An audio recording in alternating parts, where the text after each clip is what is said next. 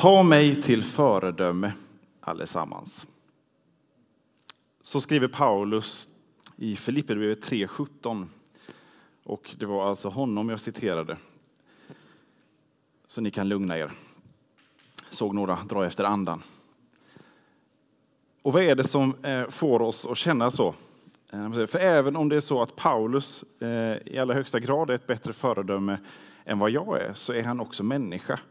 Och kanske är det någon mer än jag som reagerar så när man läser den här texten. Men är det inte lite förmätet ändå av Paulus att säga så? Ta mig till föredöme, allesammans. Jantelagen smäller liksom till på fingrarna när, när vi hör någon säga så. Och jag drar mig ju självklart för att säga så. Ta mig till föredöme allesammans. Trovärdigt liv är temat för den här predikan. Ett trovärdigt liv. Som kristen eh, så är det när vi följer Jesus så att vi måste, eh, måste se att vi har förväntningar eh, på vad det livet innebär. Och har du varit kristen ett tag eller om du har du kanske har en bild av kristna så tror jag också att du har med dig de här förväntningarna. Erfarenheten av dem. Och förväntningarna de tänker vi kanske kommer från Gud eh, själv. Och det kan vara bra förväntningar, men det kan också vara förväntningar som kommer från andra som finns runt omkring. Eller så kommer förväntningarna från mig själv. Och som kristna så behöver vi pröva oss själva. Jag behöver pröva mitt liv. Är mitt liv ett, ett trovärdigt liv? Lever jag upp till de förväntningarna som finns här? Eh, och i själva ordet kan man tänka att det här ligger, lever jag värdigt min tro? Lever jag värdigt den kristna tron? Ger jag den kristna tron, ger jag Gud en, ett bra ansikte utåt? Lever jag trovärdigt? Vi behöver pröva det här som församling, som kristna. Eh, och jag tror att även om du inte är kristen och har det, så tror jag ändå du kan eh, känna av det här, förväntan av att leva trovärdigt. Eh, att leva upp till de ideal som, som du har. Och att vi inte säger som Paulus, eller att vi drar oss för att säga som Paulus. Ta mig till föredöme. Jag tror inte att det bara är jantelagen som, eh, som gör det här. Utan också eh, att vi känner till våra egna misslyckanden. Jag vet ju vad jag misslyckas med. Jag vet att jag inte lever upp till ideal och förväntningar. Och då drar jag mig också för att säga ta mig till föredöme. Vi ska läsa en eh, text när Jesus eh, talar till, eh, till lärjungarna och till folket som samlas runt honom i Jerusalem. Och han sitter kanske utanför templet, på trapporna där. Nedanför templet var det vanligt att man möttes och hade diskussioner och debatter om vad som var centralt i tron och hur man skulle leva upp till de förväntningar som Gud har genom lagen och också de förväntningar som har liksom byggts i, i kulturen och bland folket. Och så eh, talar Jesus om det här, han talar om vilka det är som sätter det här måttet och som visar vad det här är för, för förväntningar. Och så ger han också sitt omdöme om de här personerna. I Matteus evangeliet kapitel 23, de första tolv verserna, står det så här. Sedan talade Jesus till folket och sina lärjungar och sa de skriftlärda och fariseerna har satt sig på Moses stol. Gör därför allt vad de lär er och håll fast vid det. Men handla inte som de gör, för de säger ett och gör ett annat. De binder ihop tunga bördor och lägger dem på människornas axlar, men själva rör de inte ett finger för att rätta till dem. Allt vad de företar sig gör de för att människorna ska lägga märke till dem. De skaffar sig breda böneremsor och stora manteltofsar. De tycker om att ha hedersplatsen på gästabuden och sitta främst i synagogan. Och de vill bli hälsade på torgen och kallas rabbi av alla människor. Men ni ska inte låta er kallas rabbi, ty en är läromästare och ni är alla bröder. Ni ska, inte låta, eh, ni ska inte kalla någon här på jorden för er fader, ty en är er fader, han som är i himlen. Inte heller ska ni låta er kallas lärare, ty en är er lärare, Kristus. Den som är störst bland er ska vara de andras tjänare. Den som upphöjer sig ska bli förödmjukad och den som ödmjukar sig ska bli upphöjd.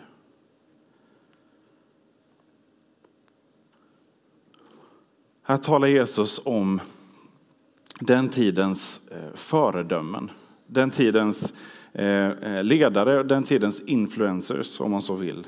Alltså de, eh, de personer som, som lärjungarna, som folket, de som Jesus talade till. Så de människorna som de hade till som förebilder.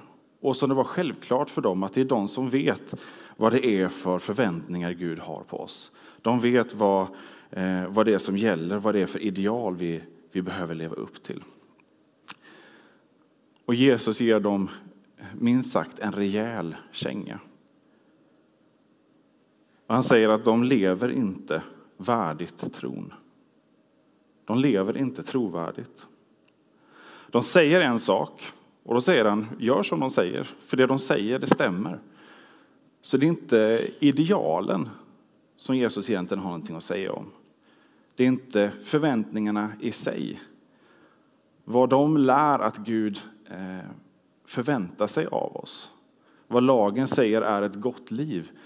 Det är inte det som Jesus eh, kritiserar dem för. Men för att de säger det. De lär ut det, men de lever inte efter det. Istället så lever de efter helt andra ideal i praktiken. De säger att de lever efter Guds vilja, och för, för Guds skull. Men det Jesus gör sen genom hela kapitlet är på punkt efter punkt visa hur de istället lever för sin egen skull, för att framhäva sig själva. Och det är inte trovärdigt. Det är inte värdigt den tro som Gud eh, kallar oss till. Det är inte värdigt den kristna tron att lägga bördor på andra människor att då förklara de här idealen, men sen inte ge något som helst redskap eller vägledning in i det här, utan istället kommer med, eh, med en dömande blick, eller dömande ord, eller med utfrysning. Vad det än kan vara, när människor då inte lever upp till de här idealen. Och Jesus han besöker gång på gång, så söker han upp de människor som enligt de här ledarna inte lever upp till idealen prostituerade, syndare, de som eh, suger ut människor ekonomiskt, tullindrivare som var föraktade och som, eh, som inte uppskattade av någon, varken av religiösa ledare eller folk runt omkring. De levde inte upp till idealen. De levde inte värdigt tron, men kanske levde de ändå trovärdigt. Därför att de förställde sig åtminstone inte. De hade kommit så långt ner, sjunkit så djupt, så det var ingen idé att hålla upp en from fasad. Så kanske fanns det i all den ovärdigheten ändå någon form av trovärdighet. De söker Jesus upp och säger att det är, eh, det är inte de friska som behöver läkare, det är de sjuka. Jag har inte kommit för de rättfärdiga skull, utan för att kalla orättfärdiga. Så Jesus är inte, han är inte hotad. Han känner sig inte dugg hotad av när människor inte lever upp till idealen. Men han har ingenting till övers för när man försöker sko sig på andra, när man klättrar upp genom att trampa på andra, när man för att dölja sitt eget misslyckande lyfter fram andras misslyckande. Jag tror att det blir så när och jag tror inte att det här är så olikt vår tid. Vi, vi vill ha den främsta platsen. Vi vill bli beundrade. Vi, om inte beundrade så åtminstone så vill vi visa våra bästa sidor. Vi vill bli omtyckta. Vi vill bli respekterade. Och så gör vi vårt bästa för att visa upp de sidorna på sociala medier, men också eh, här på plats i kyrkan, bland vänner eller på, på jobbet bland kollegor så vill vi bli omtyckta, respekterade. Och när vi, eh, när vi känner av att jag lever inte upp till de förväntningar som finns här runt omkring så kanske vi börjar framhäva någonting annat istället. Dölja det vi misslyckas med.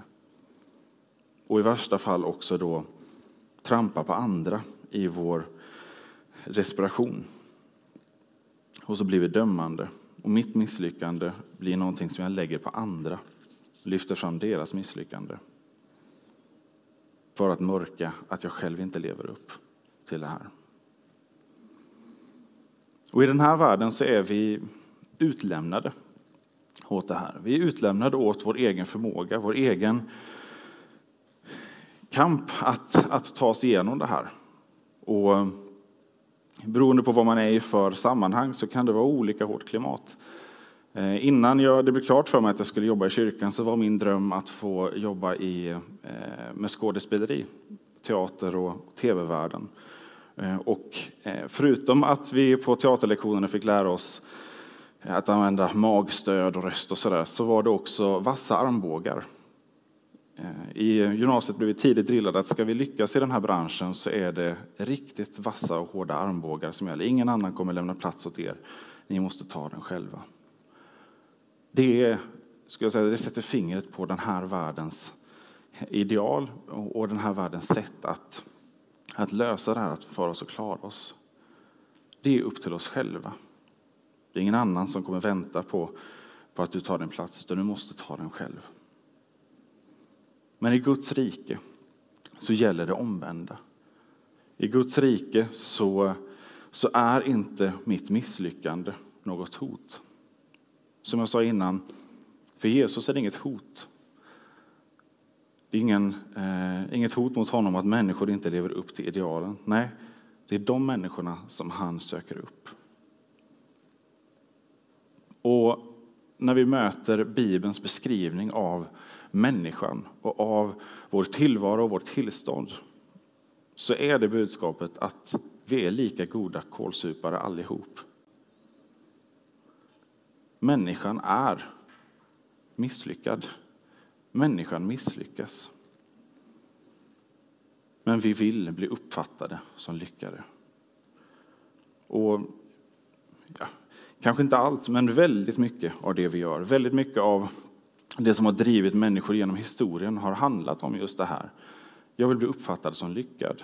Jag vill lämna ett, eh, ett arv efter mig. Eh, en, en bild av mig som, som lyckad.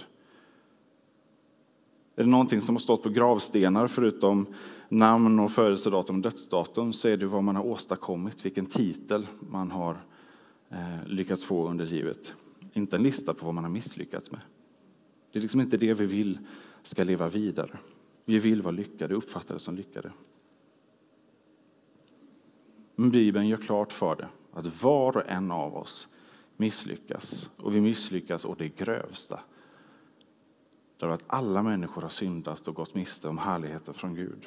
Alla människor har misslyckats. Ingen människa finns som har lyckats eller kommer lyckas leva upp till alla de ideal, alla de förväntningar som, som Gud har och som är goda. Eller ens de som vi själva lägger upp för oss, eller de som andra lägger på oss. Och vad är lösningen då? När vi inte kan det här, när vi inte kan leva upp till det här. Är lösningen att vi ska göra oss av med alla ideal och normer? Nej, jag tror inte det. Självklart finns det osunda mänskliga ideal och normer.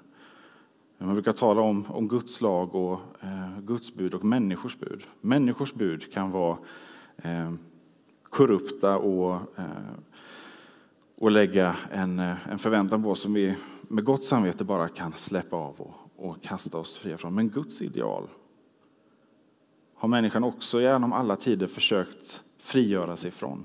Just för att man känner på sig. Antingen vet man det uttryckligen eller så är det bara en dragande känsla av att jag jag duger inte. Och när jag inte lyckas ta mig ur det här, när jag inte kan frigöra mig för den här känslan att jag inte duger, att jag inte lyckas, då försöker jag istället ta bort idealen, ta bort förväntningarna, tona ner dem.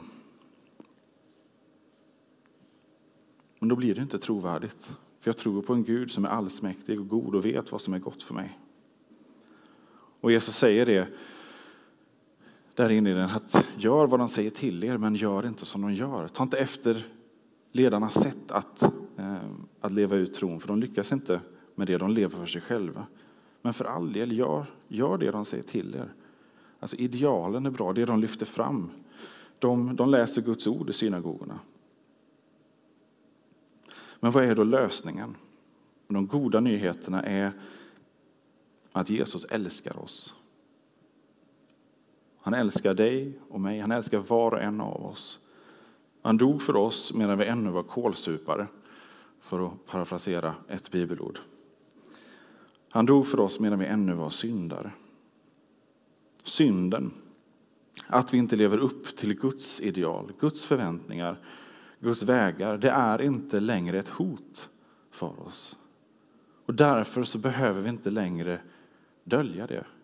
Det är ingen idé och dölja det, varken för Gud eller för andra.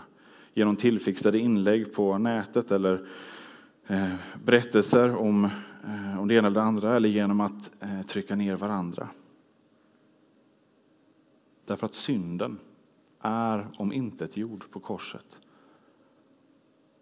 Jesus har tagit varje synd, varje misslyckande, varje tillfälle då vi eh, totalt missar de ideal som Gud har för oss.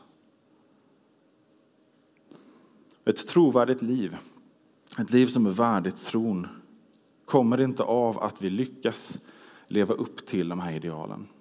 Det kommer av att erkänna och bekänna just det att det är ovärdigt. Mitt liv är ovärdigt. Jag lever inte värdigt den här tron. Men för att Jesus har levt ett fullständigt värdigt liv, ett fullständigt trovärdigt liv och dött för mitt ovärdiga liv så får jag göra ett byte, det saliga bytet. Att jag får ta emot hans värdiga liv, hans trovärdiga liv och räkna det som mitt eget. Därför att han har tagit all min synd, allt det som är ovärdigt, som inte är trovärdigt. Han vill göra var och en av oss värdig. Han är den enda av oss som kan göra oss värdiga inför Gud. Och ett av mina favoritcitat om, om kyrkan är ett citat som jag inte hittat någon, jag vet inte vem som har sagt det. Och det verkar inte som att folk vet vem som har sagt det eh, från början. Eh, påven Franciscus är en av dem som har sagt det på senare tid. Eh, så har han använt det så är det väl i alla fall legitimt, kan man tänka. Lite koll på kyrkohistoria har han nog. Men det här citatet säger någonting om vad kyrkan är. Det är att kyrkan är inte ett museum för helgon, utan ett fältsjukhus för syndare.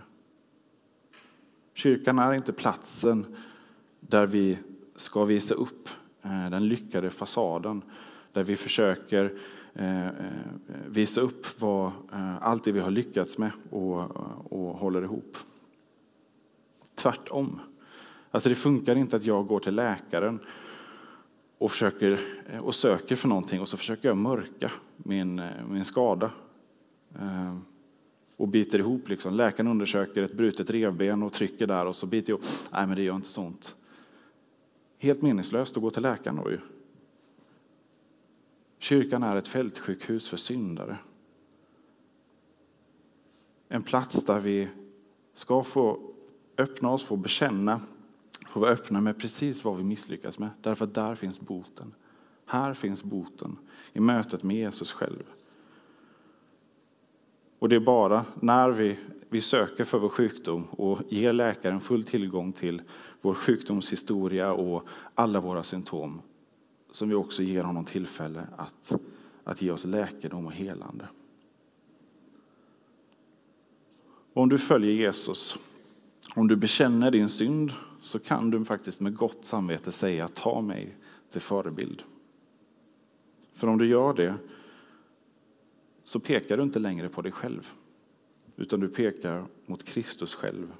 Och han har levt ett fullständigt trovärdigt liv. Och han är också den som kan ge var och en av oss ett trovärdigt liv. Där vi får följa honom dag efter dag och också dag efter dag får fortsätta att pröva oss mot hans höga ideal.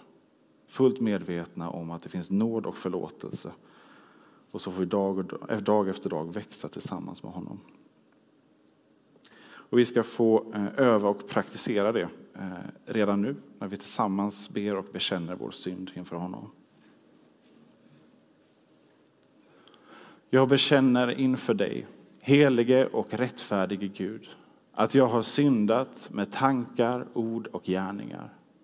Jag har inte älskat dig över allting, inte min nästa som mig själv. Genom min synd är jag skyldig till mer ont än jag förstår och har del i världens bortvändhet från dig. Därför ber jag om hjälp att se och bryta med mina synder. Förlåt mig för Jesu Kristi skull. Herre, hör nu varje hjärtas tysta bekännelse.